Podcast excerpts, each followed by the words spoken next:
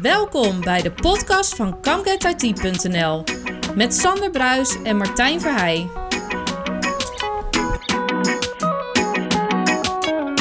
Aflevering 30 weer van de Com Get IT podcast. Waar we eh, deze keer een gast hebben die we al eerder in de aflevering hebben gehad. Maar voordat ik naar mijn gasten ga, ga ik eerst eens even eh, kijken hoe het met eh, mijn maatje Sander is. Ik mag niet klagen. Je mag niet klagen. Nee, je het is, ziet er ook eh, weer fris en fruitig uit, Sander. Ja, nou, dat, dat, het, eh, dat komt mede door de, het eh, verbeterde weer, mag ik wel een beetje zeggen. zonnetje gezicht. Ja, nou ja, ik, ik heb inderdaad wel af en toe even een, een goed moment, even een kopje koffie in de, in de zon gedaan. Inderdaad, ja, en dat bevalt mij heel goed, kan ik je zeggen. Kijk, kijk, kijk, kijk. Hey, en we hebben een onderwijs leuke gast. Ik moet zeggen, het werd na 29 afleveringen wel eens een keer tijd voor een evaluatie. Ja. Maar deze man heeft meer dan 20 jaar ervaring in ondernemerschap en algemeen management in de IT-industrie met een focus op strategie, business development, corporate finance en human resources. En momenteel eh, gericht op het ondersteunen van groei van bedrijven en start-ups in hun strategische positionering, business development en corporate finance. En eh, ja, eh, we hebben het over niemand minder dan. Abraham Schermer. Zo is het. En, daarbij opgemerkt, de echte OG, de, originele gast. Ja. Want nou, inderdaad, aflevering 1 was jij als eerste bij ons te gast. Was ik nog heel zenuwachtig. Daar heb ik nu wat minder last van, gelukkig. Maar eh, je bent dus nu bij, deze- eh, eh, bij deze ook vriend van de show. Dat- Nou, dat vind ik leuk om te horen. Ja. Ik wist toen niet dat het een uitzending was. Ik dacht dat het een test was. dus ik heb in de pilot eh, gezeten. Daar Ja. komt het eh, eigenlijk op neer. Dat klopt inderdaad, ja. Eh, toen was jij heel zenuwachtig. Eh, ja, nu ben ik heel zenuwachtig. Want jullie zijn eh, podcast professionals eh, geworden. En ja, Dankjewel. dit is nog maar mijn eh, tweede, nee, derde eh, opname. Maar tweede met jullie. Dus ja, eh, ik ben hier de amateur en jullie de professionals. We gaan het zien. We gaan het meemaken. Ja. Hey Abraham, allereerste vraag waar we natuurlijk benieuwd naar zijn. Ehm, wat zou je gedaan hebben als IT niet bestaan heeft of had? Oei. Ehm, nou, ik, ik heb nog wel iets van eh, er is een, een leven eh, hierna. Hè, dus je komt gewoon weer terug op aarde. En ik heb eh, eigenlijk één, één grote droom. En dat is dat ik professioneel sporter ben. Dus ik zou het liefste eh, eh, nog eens terugkeren op aarde. En dan professioneel ijshockeykeeper eh, zijn. Ja. Nou, dat heb je inderdaad vorige keer aangegeven dat je Oh ja? voor de Ja. Amstel Tijgers volgens mij. ja. is dat nog steeds in deze tijden ook nog steeds gaande? Eh, nee. Dat is nee, even nee, op een laag pitje, ja, dat dat ja. geldt als binnensport. Ja, ja, ja. En, eh, binnensport, dat eh, kan sowieso niet. Hm. Ehm, dus, ehm, joh, ik was alweer vergeten dat ik dat toen ook gezegd heb. Dus mijn dromen zijn wel heel consistent. Ja. En ehm, eh, ik heb ook, eh, en dat is een iets haalbaardere droom, maar goed, met het eh, voortschrijden van de tijd raakt die ietsje verder uit zicht misschien. Maar ik, ik zou het liefst nog een keertje landskampioen worden in ijshockey. En daar stonden we ehm, eh, maart vorig jaar, toen de lockdown, de eerste lockdown zeg maar afgekondigd werd, Ja. stonden we in de halve finale voor het landskampioenschap. Tweede divisie, moet ik erbij Maakt niet uit. Ik bedoel, Dus ja, die droom is nog een beetje levend. Ja. Maar, ehm, Maar pro-sporten mocht dus, was mijn vraag eigenlijk. Hè? Pro, professioneel sporten mocht toch? Maar eh, je bent dus net de divisie eronder dat het... goed. helaas. We gaan een volgende podcast over ijshockey doen. En, eh, want daar kan ik eh, over uitweiden. Maar professioneel ijshockey in Nederland bestaat eigenlijk nee, dat, eh, nee, dat nee. klopt inderdaad, ja. Maar goed, daar hebben we je inderdaad natuurlijk niet voor uitgenodigd. Eh, wij spraken een tijdje terug. En toen zei jij een beetje grappend van... Hé, hey, eh, zal ik weer eens in de podcast komen? Dat was een halve grap. Dat hebben we uiteraard zeer op. eh, Ja, we zeer hebben de complete opgevat. gastenlijst opzij geschoven. Precies. Maar toen was de vraag natuurlijk, joh, dat is hartstikke leuk. Maar waar wil je het over hebben? Toen kwam jij eigenlijk meteen met de cloud-strategie contradictie. Ja. En nou kunnen wij proberen uit te leggen wat het is. Maar dat heb ik dan toch het liefste dat jij daar nog een keer Ja. uitleg over geeft. Wat bedoel je daar precies mee? Nou, de laatste keer dat we elkaar in dit verband gesproken hebben... was natuurlijk pre-corona. Zeker. Ja, En het ehm, mooie van deze periode is dat ehm, eh, je ziet eh, hoe groot de veerkracht van organisaties en eh, bedrijven is. Je ziet ook een eh, een nog veel intensiever gebruik van alle digitale hulpmiddelen die we eigenlijk al hadden. Hè. Ik kan niet zeggen dat er nu door corona allerlei uitvindingen gedaan zijn of een andere revolutie is. Mhm. Ehm, maar een wel veel intensiever gebruik. En wat ik bedoelde met die contradictie is dat ehm, pre-corona waren we soms eh, al een hele tijd in gesprek met eh, bedrijven, organisaties, eh, overheden, gezondheidszorg over de cloud-strategie Ja. en over digitalisering. Transformatie was ook pre-corona al zo'n woord. Nou, zonder eigenlijk ooit tot implementatie over te gaan van die cloud-strategie. Niet op grote schaal in ieder geval. Nee.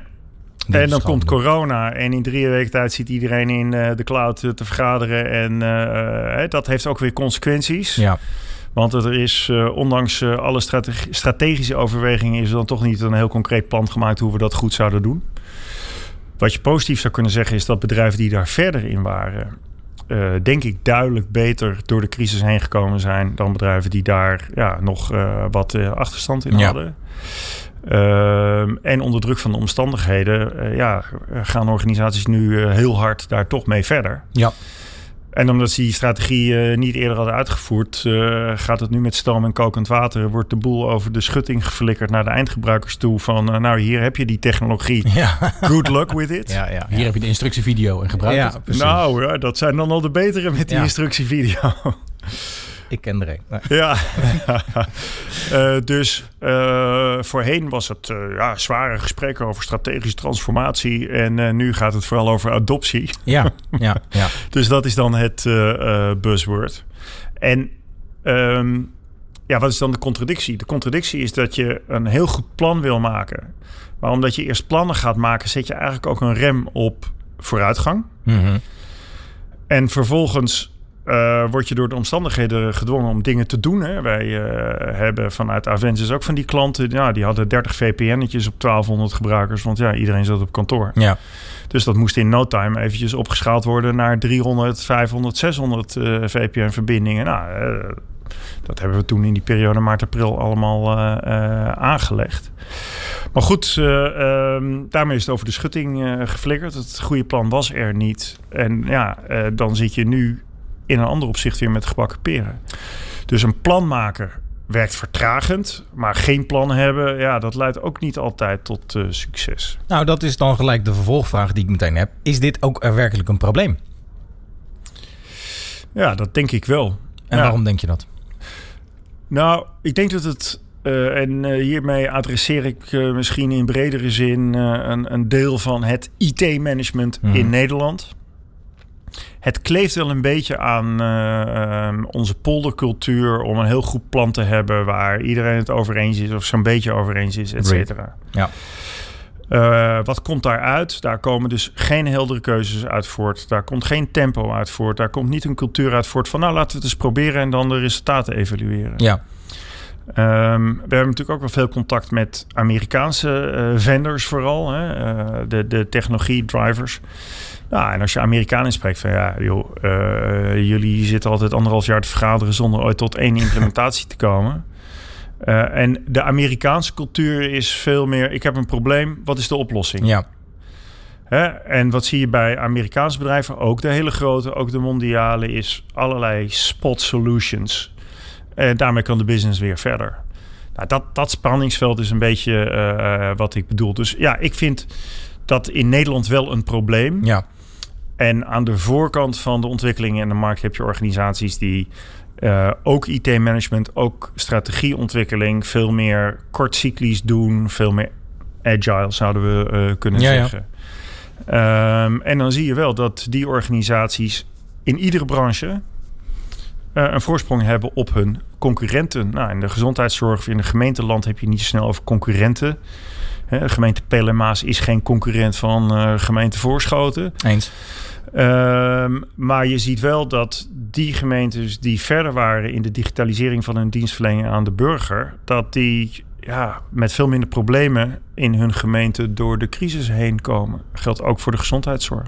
Ja, ik denk dat het sowieso inderdaad breder is dan eh, IT-land, het, eh, het, het probleem wat je dan inderdaad aanhaalt.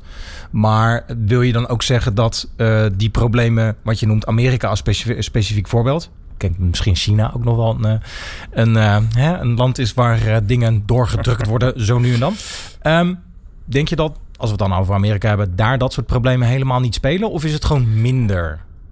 Ehm, ja, het is in ieder geval anders. Ja, En ehm, vergelijking met Chinese cultuur eh, kan ik niet eh, maken.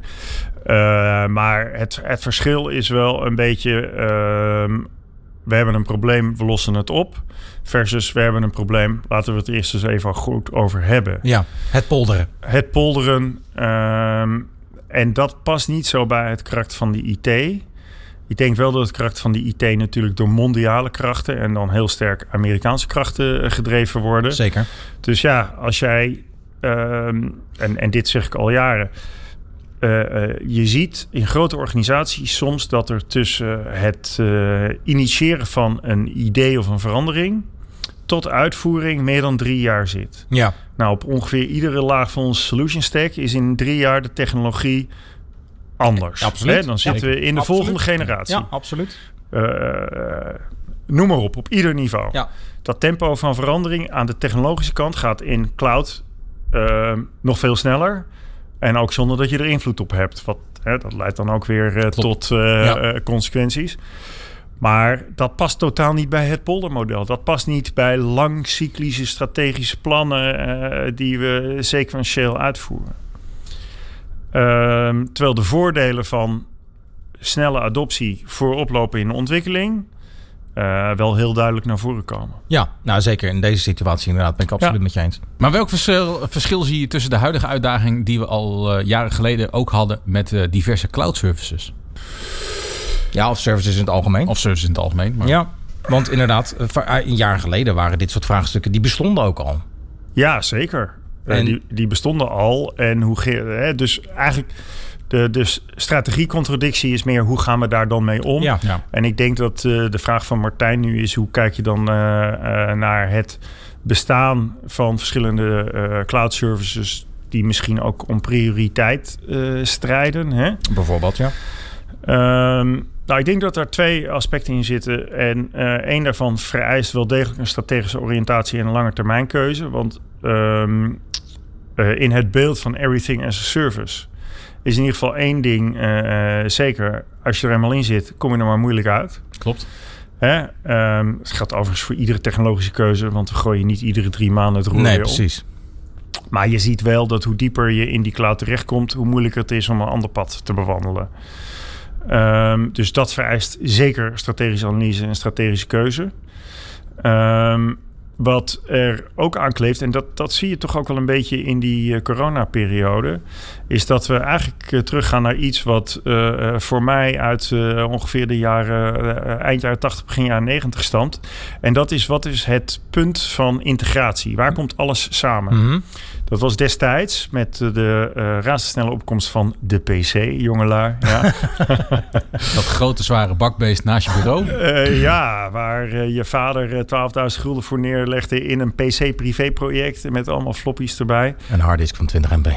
Nou, dat was later. Maar goed, die PC die leidde ertoe dat er een ongelooflijk snelle ontwikkeling van allerlei applicaties kwam. En eh, die kon iedereen installeren. En ehm, ja, hoe ging dat dan, dan samenwerken en waar stond dan data? Ja, dat moest eigenlijk die eindgebruiker zelf maar even uitzoeken. Ja, En met cloud is dat een beetje hetzelfde. Als je alles versaast, waar komen al die SaaS-dingetjes dan samen? En hoe laat je dat samenwerken? En eh, ehm, ja, wat is de afhankelijkheid van mijn netwerkverbinding en Ja. hoe veilig is dat? Ja, wat is je point of integration? Dat als je niet uitkijkt, wordt dat die eindgebruiker. eh, precies. Dat klopt. En eh, we hebben, eh, en dat hebben jullie dan wel aan een lijve meegemaakt, jongelui, eh, is dat je die eh, slingerbeweging van decentraal op de PC weer een beetje naar centraal, Citrix-achtig, VMware-achtig, datacenter gedreven automatisering. Waarin alles juist weer centraal was en lekker dichtgetimmerd en veranderingen eh, gingen via change-proces en niet meer eh, via installatie op de werkplek. IT bepaalt. Die, eh, IT bepaalt. Ja. Eh, die slinger die dreigt met eh, eh, de cloud eh, weer de andere kant op te gaan. Dus dan wordt de eindgebruiker het point of integration. Ik zou zelfs verder dan dreigen willen gaan. eh, wat dat Eh, ja, ja, en eh, dat is dan niet meer de PC waar we nog eh, enige controle over hadden. Dat is de smartphone waar, eh, Ja. eh, waar China dan controle over heeft. Bijvoorbeeld. Hangt er vanaf waar je, welke, eh, welk merk je leuk vindt inderdaad. Ja, ehm, dus ik denk dat er twee strategische aspecten aan zitten aan hè, eh, al die web services. Eén is welk pad bewandel je en eh, wat is mijn cloud exit strategie. En het andere is hoe houden we de boel een beetje onder controle dat niet alle shit bij een eindgebruiker terechtkomt. En als je dat relateert aan de cloud eh, strategie contradictie, hè, eh, doen versus heel lang nadenken. Precies. Ehm, dan is dat eindgebruikersaspect nu wel een beetje aan de hand, zie ik. Ik, ik zie ontzettend veel, eh, nou, wat ik net al noemde, over de schuttingen geflikkerd. Ja. Hè, hier is de functionaliteit. Eh, wij weten ook niet precies hoe het werkt. Good luck with it. ja. Eh, ja, dat is niet de juiste manier. Maar ook een beetje in dit geval wel geboren de omstandigheden. Dus daar kunnen niet zo heel veel mensen wat aan doen dan, zeg ik even tussen haakjes. Of zie ik dat dan? Want uiteindelijk is het, denk ik, een breder probleem. Dit is meer een menselijk probleem uiteindelijk. We spitsen het nu toe op IT. Maar ik ken wel voorbeelden van, nou ja, naderende rampen... die met terugwerkende kracht eh, wellicht op geanticipeerd had kunnen worden. En eigenlijk, als ik het goed begrijp, zeg jij... polderen is leuk, maar voor dit soort situaties is dat eigenlijk funest. Of ga ik dan te ver wat jou betreft? Bedoel je een beetje deltawerken-achtige concept? Bijvoorbeeld, ja, ik wilde het niet zo direct noemen, maar inderdaad, als we het dan over hebben, de deltawerken werden al ruim voor de, eh de watersnoodramp van 1953 waren er al plannen voor. Die Ja. zijn letterlijk tientallen jaren besproken, niks mee gedaan. Pats, daar was Ja. de watersnoodramp, watersnood, watersnoodramp Ja. en et cetera. Ja, en ehm, ik denk, hè, daar, daar zit eh, het aspect aan, als het kalf verdronken is, dempt men de put. Precies. Dat is natuurlijk een beetje watersnoodramp-achtig. Ja, Eh, ik denk dat dat aspect misschien iets meer kleeft aan eh, hoe wij eh, als eh, maatschappij om zijn gegaan met eh, de mogelijkheid van een pandemie. ja. Eh, ehm, ik eh, hoorde eh, dan ook eh, in de beleidsstukken eh, rondom RIVM dat eh, acht jaar geleden beleidsmakers zeiden van ja, sorry hoor, maar infectieziektes, is dat niet iets van het verleden? Hè, Pandemie. Hè? pandemie. 1918 was de laatste. Sorry, ik moet hier verschrikkelijk om lachen, maar Ja. goed, ga verder. Ja. Hè, Niet om en- jou dus, hè? Maar Nee, nou dat mag ook zeker. Maar ehm, je, ja, je ziet iemand in zijn ivoren toren zitten. Van, ah, nee, maar goed, dat hebben ze in Congo. Dat hebben wij hier niet. Nou, oké. Eh, nou wil ik niet eh, direct corona vergelijken met eh, ebola. Maar inderdaad. Thank God. Ja. Eh, even terug naar IT. De wereld draait eh, altijd nog wel een stukje door. Hè? Eh, Zeker. Maar hoe bepalend IT is geweest, dat hebben we wel ervaren. De invloed op supply chain, wat we vorige week ook alweer. Albert Heijn had geen kaas meer omdat de grote kaasdistributeur even platgelegd was met oh, dat heb ik gemist. Maar ransomware. Oké dan. Oké, heb ik even gemist. Maar Heb je de kaas gemist of de ransomware? volgens mij de kaas. Ja, ja. Ehm, dus die afhankelijkheid eh, is, is zo ontzettend groot dat volgens mij iedereen eh, eh, zich ook voor deze omstandigheid, waarvan je kunt zeggen, nou daar kunnen we niemand schuld van geven, ehm, voorbereid zijn op onvoorziene omstandigheden, met polder of zonder polder, dat is een keuze. Ja, nou ja, eens. Maar is het door polderen op een gegeven moment niet onnodig? Want zo, dat geef je volgens mij wel aan. Dat je daarmee onnodig veel tijd en ook eventuele juist... eh, je, je zegt, het vlakt ook af omdat iedereen het een beetje mee eens moet zijn. Ja. Dat je daardoor juist wel gewoon echt goede grote beslissingen laat liggen wellicht. Of zie je dat niet zozeer... Hè, als we het Ja. extrapoleren naar IT, zie je dat wel of niet? Eh, eh, ehm, ja, dat, dat zie ik wel. Ja. Hè, en eh, nou, daar zou je dan misschien nog wel de parallel met eh, die ene persoon in zijn ivoren toren rondom pandemie eh, Ja, ja, ja. kunnen trekken. Van ja, hè, dat, dat is ook kans maal eh, schade. Hè? Hoe groot is het, het risico dan? Ja, dat, dat gaat nooit gebeuren, jongens. Dus waarom zouden we ons daarop voorbereiden? En we hebben onze data toch in de cloud. Oké, maar waar is je backup dan? Bijvoorbeeld? Dus het, het hele concept van business continuity bijvoorbeeld. Ik denk dat dat in ontzettend veel organisaties niet heel erg hoog op de agenda heeft gestaan. En dat dat nu wel weer hoger op de agenda staat.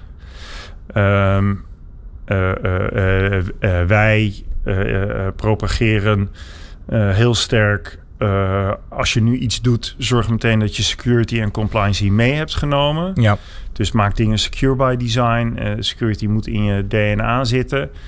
Ja, ik denk dat het is moeilijk om percentages te noemen, maar natuurlijk de overgrote meerderheid van eh, de organisaties in Nederland eh, doet dat niet, heeft dat niet. Hebben we trouwens in uh, coronaperiode ook weer keihard het raam uit zien gaan. Ja. Eh, want ehm, vanuit Avensis hebben we dan eh, een, een grote compliancy eh verbetertak. Hè? Mensen die komen helpen om die processen op orde te krijgen. ja. Nou, eh, die hebben een maandje of drie, vier even geen werk gehad tussen eind maart en eh, ongeveer de zomerperiode. Want we hebben met z'n allen even wat anders aan ons hoofd Ja. dan eh, security, privacy en compliancy. Dat En ik eigenlijk- begrijp het wel. Ik begrijp het wel. Maar nu we van de eerste schrik bekomen zijn, dat moeten we echt wel anders gaan doen. En denken dat onvoorziene omstandigheden zich niet voor gaan doen, dat is dan wel echt dom. Nee, Maar, zeg, zeg je dan eigenlijk ook al dat je misschien al nu moet gaan nadenken eh, over een exit-strategie? Dat, dat zo- dat sowieso. Ja, Ja. Maar hoe ziet die er dan uit? Is dat ook iets wat je wel zo makkelijk... Wordt daar op dit moment dan inderdaad ook over nagedacht? Want precies wat je zegt... Wellicht door zich een, een, een, eh, een, eh, mentaal, een, een mentaliteitsverandering heeft er plaatsgevonden. Eh, of een manier van denken is misschien iets veranderd door de omstandigheden. Zie je dan nu inderdaad wel eh, dat mensen zich al inderdaad al gaan bezighouden met wat er hierna? Of inderdaad, zoals Martijn zegt, extra strategieën? Of gaat het gewoon mee met waar we vroeger mee bezig waren? ja het is eh, voor mij persoonlijk iets moeilijk te zeggen. Mhm. Iets moeilijker te zeggen. Omdat ik praat hier graag over. Ja. Dat hadden u vast wel. Ja, ja. Hmm. Daarom zit je hier ook. Ehm, maar automatisch spreek ik dan vooral mensen die daar ook graag over praten. Ja, ja, ja. Dus eh, eh, zeg maar klanten of partners eh, die eh, daar totaal anders over denken, ja, die spreek ik niet zo vaak. Nee, precies, precies. Dus eh, ehm, ik, ja, dat, dat is een A-selecte steekproef, om het zo maar te zeggen. Dan moeten we toch eens een keer een wetenschapper eh bij halen. Ehm, en ik denk wel dat deze periode impact heeft op het denken. Maar dan keren we terug bij het thema van deze podcast. Dan gaan we weer lekker denken. Ja, En de contradictie zit erin van... ja, maar er is ook een heel belangrijk doen-aspect Mhm. aan. ja, En als je nu gaat eh, kijken naar eh, nou, onze klanten of eh, andere partijen met wie wij spreken, dan is het van shit, nou, we moeten wel leren van deze periode. Maar wat gaan we dan misschien weer doen? Is daar een strategisch plan op maken en dat gaan we eh, uitschrijven. En daar gaan we eh, nog eens misschien, eh, zeker Ja. in overheidskringen, een second opinion ophalen. Of een third opinion of nog een opinion en dan nog een rapport. En daar Ja. ga je alweer. ja, ja, ja. Maar toch wil ik er even, want begin maart hebben we natuurlijk met z'n allen alle vinkjes aangezet om te kunnen communiceren en te kunnen samenwerken met elkaar in de cloud. Toen kwam daar ineens Zoom. En heel stiekem werd ineens naar buiten gebracht dat Zoom toch iets meer deed met je eh, informatie en je chatcommunicatie en je eh, videovergaderingen dan Ja. bekend is. Surprise, surprise. Su- surprise, surprise. Ehm, maar ja, iedereen was al, die had die vinkjes aangezet in Zoom. Want dat product hadden we in huis. Dus dat gaan we Ja. gebruiken. We moeten onze mensen snel faciliteren. En toen kwam ineens Zoom dit in het nieuws. En moesten we dus eigenlijk, werden ook organisaties wel gedwongen om heel snel weer van Zoom af te gaan. Terwijl er geen exit-strategie lag. Ja. ja, Heb ik niet gemerkt trouwens. nee, oké. maar dat was wel een stukje shadow IT ook. Precies. En wat dus inderdaad, wat, wat Abraham zegt, ook dus bij het eindgebruiker neer werd gelegd, die dus uiteindelijk op zoek ging naar, eh, Ja. naar oplossingen. En nou hebben wij trouwens, en dat is gelijk een mooi bruggetje, eh, een tijdje terug jouw EGA ook in de podcast gehad. En die gaf aan, dat ging over Help Digitaal. En die stelde eigenlijk dat, dat dit soort veranderingen op de werkvloer geïnitieerd worden. Daar was ik het helemaal mee eens. Of althans, daar kon ik heel ver in meekomen. En wat Martijn eigenlijk schetst, is zo'nzelfde situatie. Maar is dit uiteindelijk niet dit soort dingen die... Wat je, we hebben het nu over dat bedrijf inderdaad als bedrijf eh, veranderingen. Maar worden de grootste veranderingen die niet dan uiteindelijk op de werkvloer teweeggebracht... doordat mensen inderdaad Zoom gaan gebruiken of andere dingen? Ja, En daardoor dus al bedrijven gedwongen worden om dat soort dingen te adopteren. Of eh, Ja. werkt het niet zo wat jou betreft? nou eh, zeker. En ehm, als je het negatief formuleert, is eh, de IT-afdeling de grootste rem op vooruitgang. Ja, ja, ja dat Eh, en ja. eh, daar zal ik dan wel weer mailtjes van onze, de ons bekende CIO's over krijgen. Ehm, eh, maar als je positief formuleert, en terecht... Want anders is die eindgebruiker de point of integration. En Precies. dat moet je echt niet willen. Nee. En ehm, wat het Zoom-voorbeeld dat je geeft in ieder geval illustreert, is dat de functionele drive sterker is dan die IT-strategie. Ja, maar wie bepaalt dan uiteindelijk? Of is dat eh, afhankelijk Nou, van de omstandigheid? Ik, eh, eh, daar spelen de, de omstandigheden dan een rol in. Hè? En Shadow IT eh, bewijst dat. Ja. Dat van van eh, WeTransfer, eh, wat we al eh, weer jaren gebeuren, tot aan eh, eh, de Zoom-discussie en allerlei andere dingen. Ik werd laatst in een, eh, uitgenodigd voor een eh, eh, videocall. En ondertussen ben ik ook wel gewend aan Teams. Nou, dat mogen we wel zeggen. ja. maar ook Google Meet en dan ook af en toe nog een Zoom.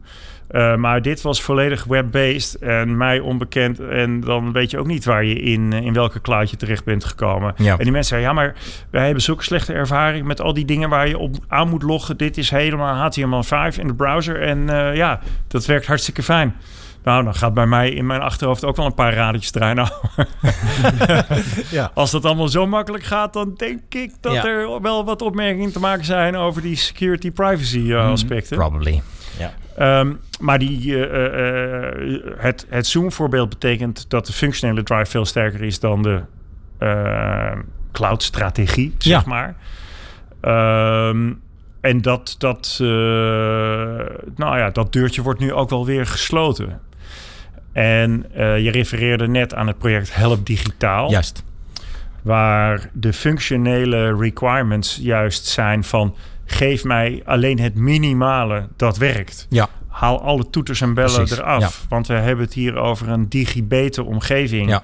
En we mogen daar de zorginstellingen niet mee belasten. Nou, dat is... Het simpel maken is het moeilijkste wat er is voor IT'ers. Ja. Dus daar, eh, die, die functionele eh, drive, die eh, is gelukkig daarboven gebleven. Wat we nu zien, is dat de honderden tablets, hè, want op een gegeven moment stonden er wel Ja, ja. 1500 tablets eh, uit of zo bij zorginstellingen. Ja. Die zijn grotendeels, is voor 80% is teruggekomen. Waarom? Omdat de IT-afdeling dat domein weer terug heeft gepakt. Ja. Ja, zo Van, iets ook nou, dat ja. was toen leuk, maar we gaan het nu even anders Ja, organiseren. ja, ja. Dus het is een golfbeweging uiteindelijk dus. Terwijl de functionele behoefte is er nog steeds. Want de redenering is van ja, maar de zorginstellingen zijn nu weer open. Hè, met name oudere zorg ging het toen Ja. om. Zijn nu weer open. Dus ja, al die, die kinderen van die oudjes, die kunnen gewoon weer langskomen. Ja, dat klopt. Maar al die kinderen van die oudjes, die hebben nog steeds een baan. Die hebben zelf ook weer kinderen die ze thuis moeten entertainen. Als de scholen even niet open zijn. Et cetera, et cetera. Dus nog steeds die digitale communicatie met de ouderen zou fantastisch zijn. Nee, IT pakt het domein terug.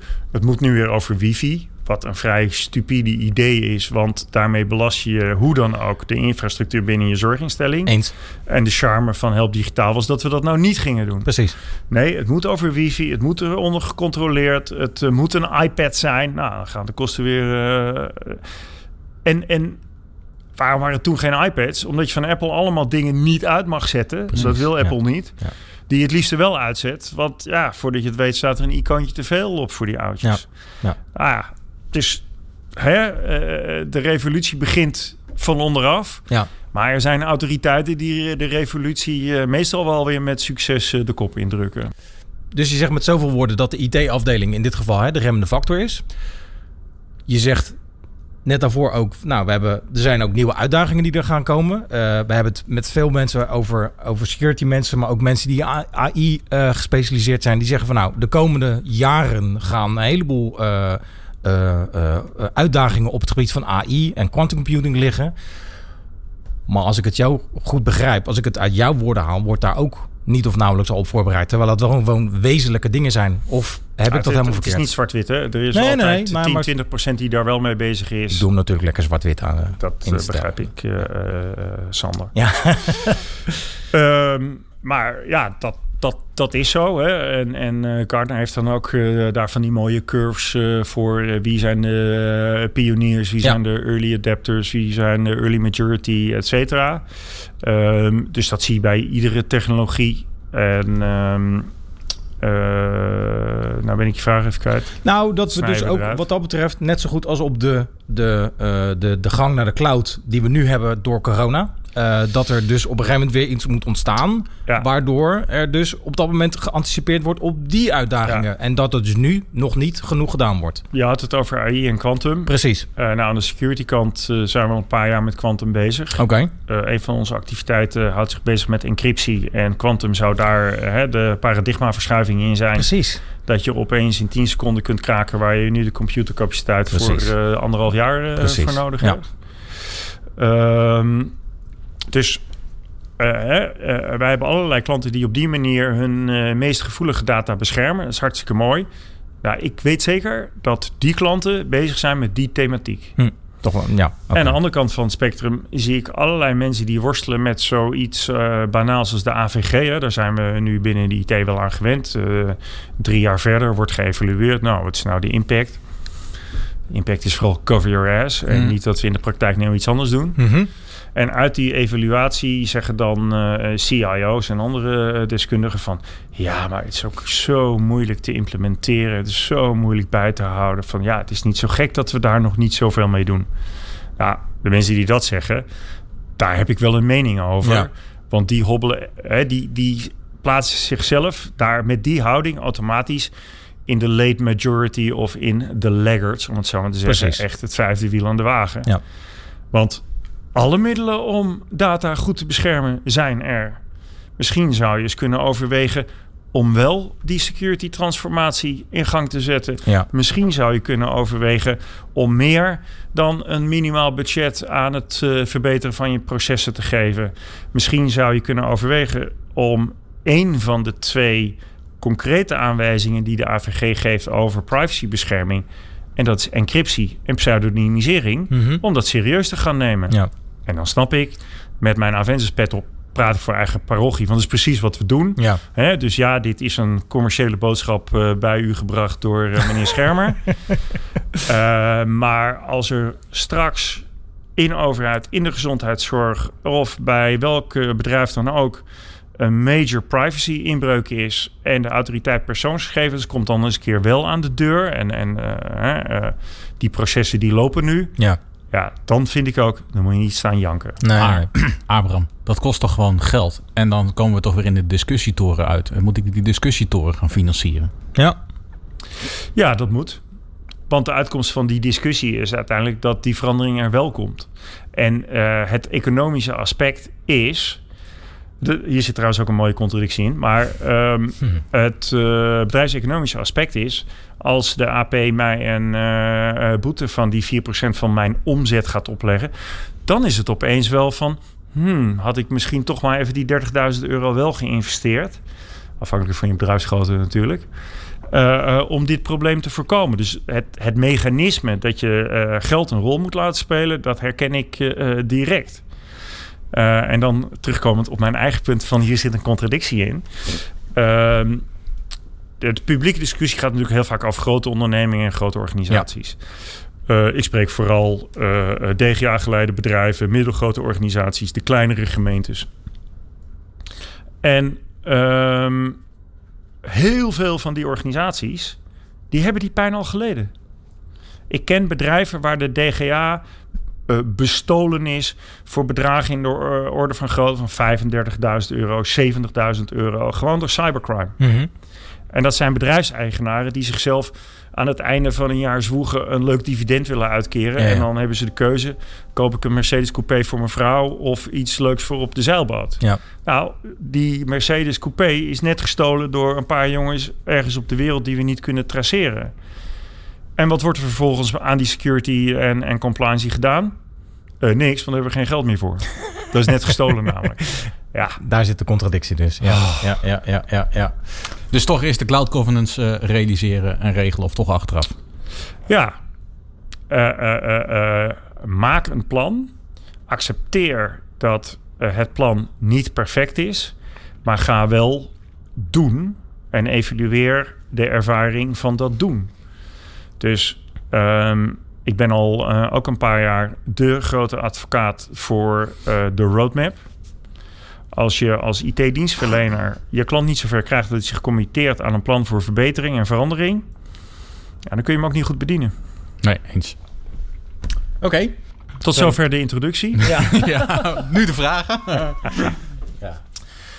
Kunnen we dan, als we een beetje richting het einde gaan, concluderen dat eh, de mens of de maatschappij eerder reactief dan proactief is? En als, dat, als we dat over eens zijn dat het zo is, is er wat jou betreft daar iets aan te doen? Bijvoorbeeld door scholing, door kinderen al op vroege leeftijd mee te geven dat je eerder proactief dan reactief in dingen moet staan? Of Wow, dat is wel een hele lange termijn strategie. ja, Eh, maar is, goed. eh, je moet, je moet ergens beginnen. Ik wil ook zeggen dat je op je vierde gelijk in de houding hoeft te, te springen, maar toch? Ik denk dat te veel eh, eh, CFO's en CIO's... en in kleine organisaties eh, heten die anders... Ja. ehm, een mentaliteit hebben van... eh, if it ain't broken, don't fix it. Precies. En eh, die mentaliteit die moet echt anders. Eh, iedere organisatie, durf ik wel te zeggen, iedere organisatie is gebaat bij een cyclus van vooruitgang en verbetering die in een eh, maand of drie doorlopen wordt. En ehm, niets is straks nog broken. Hè? Misschien is je webservice even niet beschikbaar, maar niets is broken. Dus dan valt er straks niet meer te fixen. Nee. De, de, de, de oude systeembeheerder die is dooier dan Elvis Presley. Precies, maar hoe, hoe doe je dat bewerkstelligen? Door dit soort, hè, nou ja, door de huidige omstandigheid. Is dat bijvoorbeeld een motivator om voor een gedragsverandering? Of moet het toch meer eh, in verweven worden in onze cultuur? Even om het heel breed te trekken. Ik, ik snap dat dat eh, vrij abstract is. Maar je moet op een gegeven moment ergens een gedragsverandering, precies degene die je omschrijft, moet je bewerkstelligen. En dat moet je Ja. door een bepaalde manier doen. Ja. Ehm, ik zou het positieve uit eh, de afgelopen crisis eh, halen. Ja, Eh, we zien dat moderne hulpmiddelen iedereen eigenlijk goed kunnen helpen, goed kunnen faciliteren. Dat kan ook helpen om grote maatschappelijke thema's nu eindelijk eens een keertje op te lossen. En dan denk ik bijvoorbeeld aan files.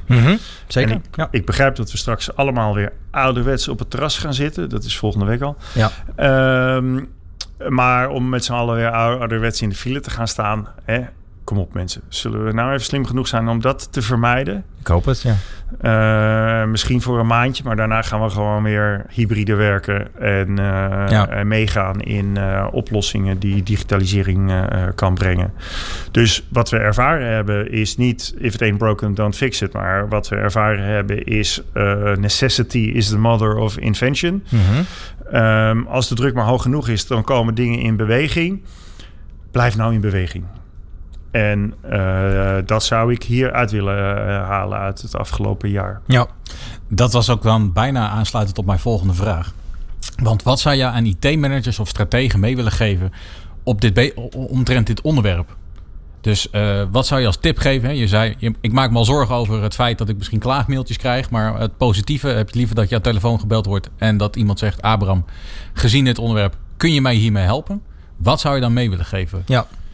Ehm, ja, eh, mijn boodschap is roadmap, kort cyclus en doen. Hè, dus eh, eh, er is ondertussen een hele start-up industrie. Daar heb ik niet zo'n hele hoge pet van op overigens. Maar hè, die hele start-up industrie... eh, die eh, brengt wel met zich mee dat kortcyclische... eh, eh, try eh, and learn, eh, die cultuur... eh, die wil ik heel graag voorleggen aan ehm, eh, de IT-managers... ehm, met wie wij mogen praten. En wat heel gaaf is, eh, daarin kunnen we ontzettend veel leren van dingen buiten de IT. Hè, dus de start-up industrie is niet, natuurlijk niet alleen eh, Nee. IT, er zit heel veel digitalisering in. Ehm, eh, maar ik zie allerlei gave voorlopers in de cloud, die puur vanuit die functionaliteit weer denken. En ehm, er is. ehm, eh, wij, wij lopen ook allemaal eh, rond in die Microsoft eh, economie, nee, ecosysteem. Ecosysteem, ja. Ehm, en eh, ja, weet je, de top op de apenrots is als je MVP bent, toch? Dan, Ze zeggen het. ze zeggen het. Ze zeggen het. Ehm, ik kan een eh, MVP Teams aanwijzen die twee jaar geleden nog in de gezondheidszorg werkte. En die met een totaal andere bril kijkt naar hoe gaan wij nou om met collaboration, Precies, hoe gaan we om met eh, cloud en eh, hoe haal je daar het beste uit. dan mensen eh, zoals ik die meer dan eh 25, nou wat zal ik zeggen, bijna 30 jaar rondlopen in die IT-industrie. Ja.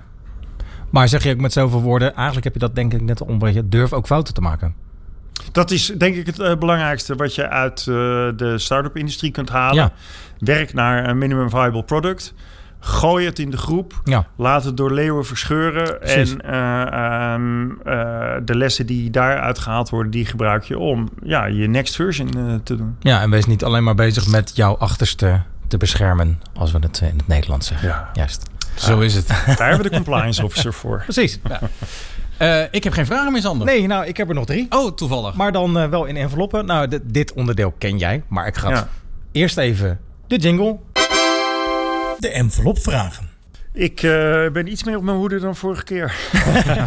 Ik weet niet meer precies. nou, we hebben niet de organisatie meer gevraagd om vragen voor Abraham te verzinnen. Nee. Eh, We komen uit eigen koker. Ja, inderdaad. Nou goed, voor de luisteraar doe ik het altijd toch nog even netjes aankondigen. Ik heb hier in mijn hand drie enveloppen. Daar zitten drie verschillende vragen in die wat, misschien wat meer schuren, Ja. wat meer op de persoon. Ja. In ieder geval eh, de vraag die niemand durft te stellen, hebben we het eh, onderdeel ooit genoemd. Dus ik zou zeggen, ik bied ze aan. Kies er één uit.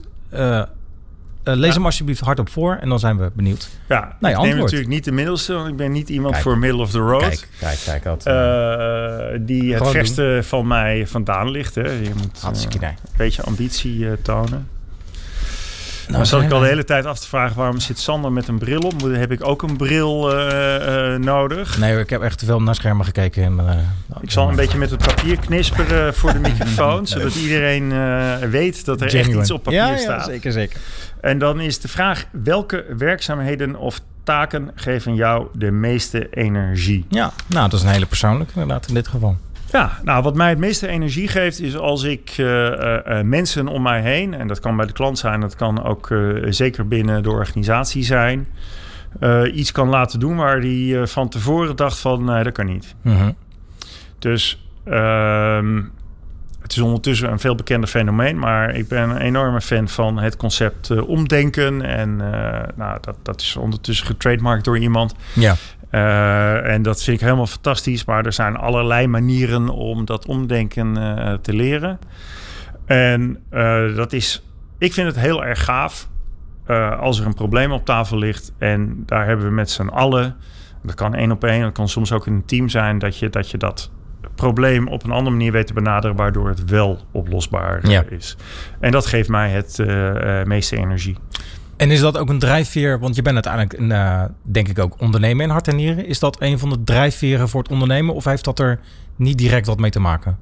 Of het gaat het hand in hand? Ik weet het niet precies. Ja, ik denk dat dat wel gewoon hetzelfde DNA is. Ja, Ja, ja, ja, ja. ja. ja. Alleen daarin zit wel dat de manieren waarop, ja. dat moet je leren. En eh eh, Bertolt Gunster is eh, die meneer van dat omdenken, of die heeft dat benoemd. Ja, daar, van zo iemand leer je. En Ja. zo zijn er wel andere mensen van wie je leert. En als je dat dan relateert aan wat we net bespraken over die strategiecontradictie. Ja. Hoe gaan we om met cloud? Blijf in beweging.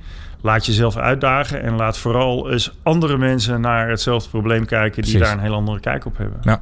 Nou, ik denk dat het een hele goede eh, mentaliteit is wat dat betreft. Zeker. Ik kan hem alleen nog niet in verhouding brengen met op doel staan in ijshockey.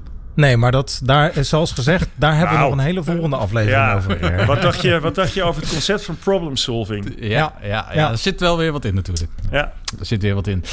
Eh Abraham, ik wil je bedanken voor je tijd. Ja, ik wil jullie bedanken voor jullie tijd. nou, zeer graag gedaan. Zeer, zeer graag gedaan. Eh, ik wil jou als luisteraar bedanken voor weer het luisteren naar deze aflevering van eh, de ComGet IT podcast. Eh, ik zou het leuk vinden, of wij zouden het leuk vinden, Zeker. als je in de Apple Store een feedbackje achterlaat. Of eh, gewoon via een bericht via onze website comgetit.nl. Daar leren wij ook weer de podcast mee te verbeteren. Zeker. Sander, jij weer bedankt. Jij ook, man. En ik zou zeggen tot de volgende. Tot de volgende. Bedankt voor het luisteren naar de podcast van CamGetIT.nl. Wil je meer weten? Heb je vragen, suggesties of opmerkingen? Bezoek dan onze website www.camgetit.nl. If you want some, baby, come and get it. If you need some, baby, come and get it. If you want some, baby, come and get it. If you need,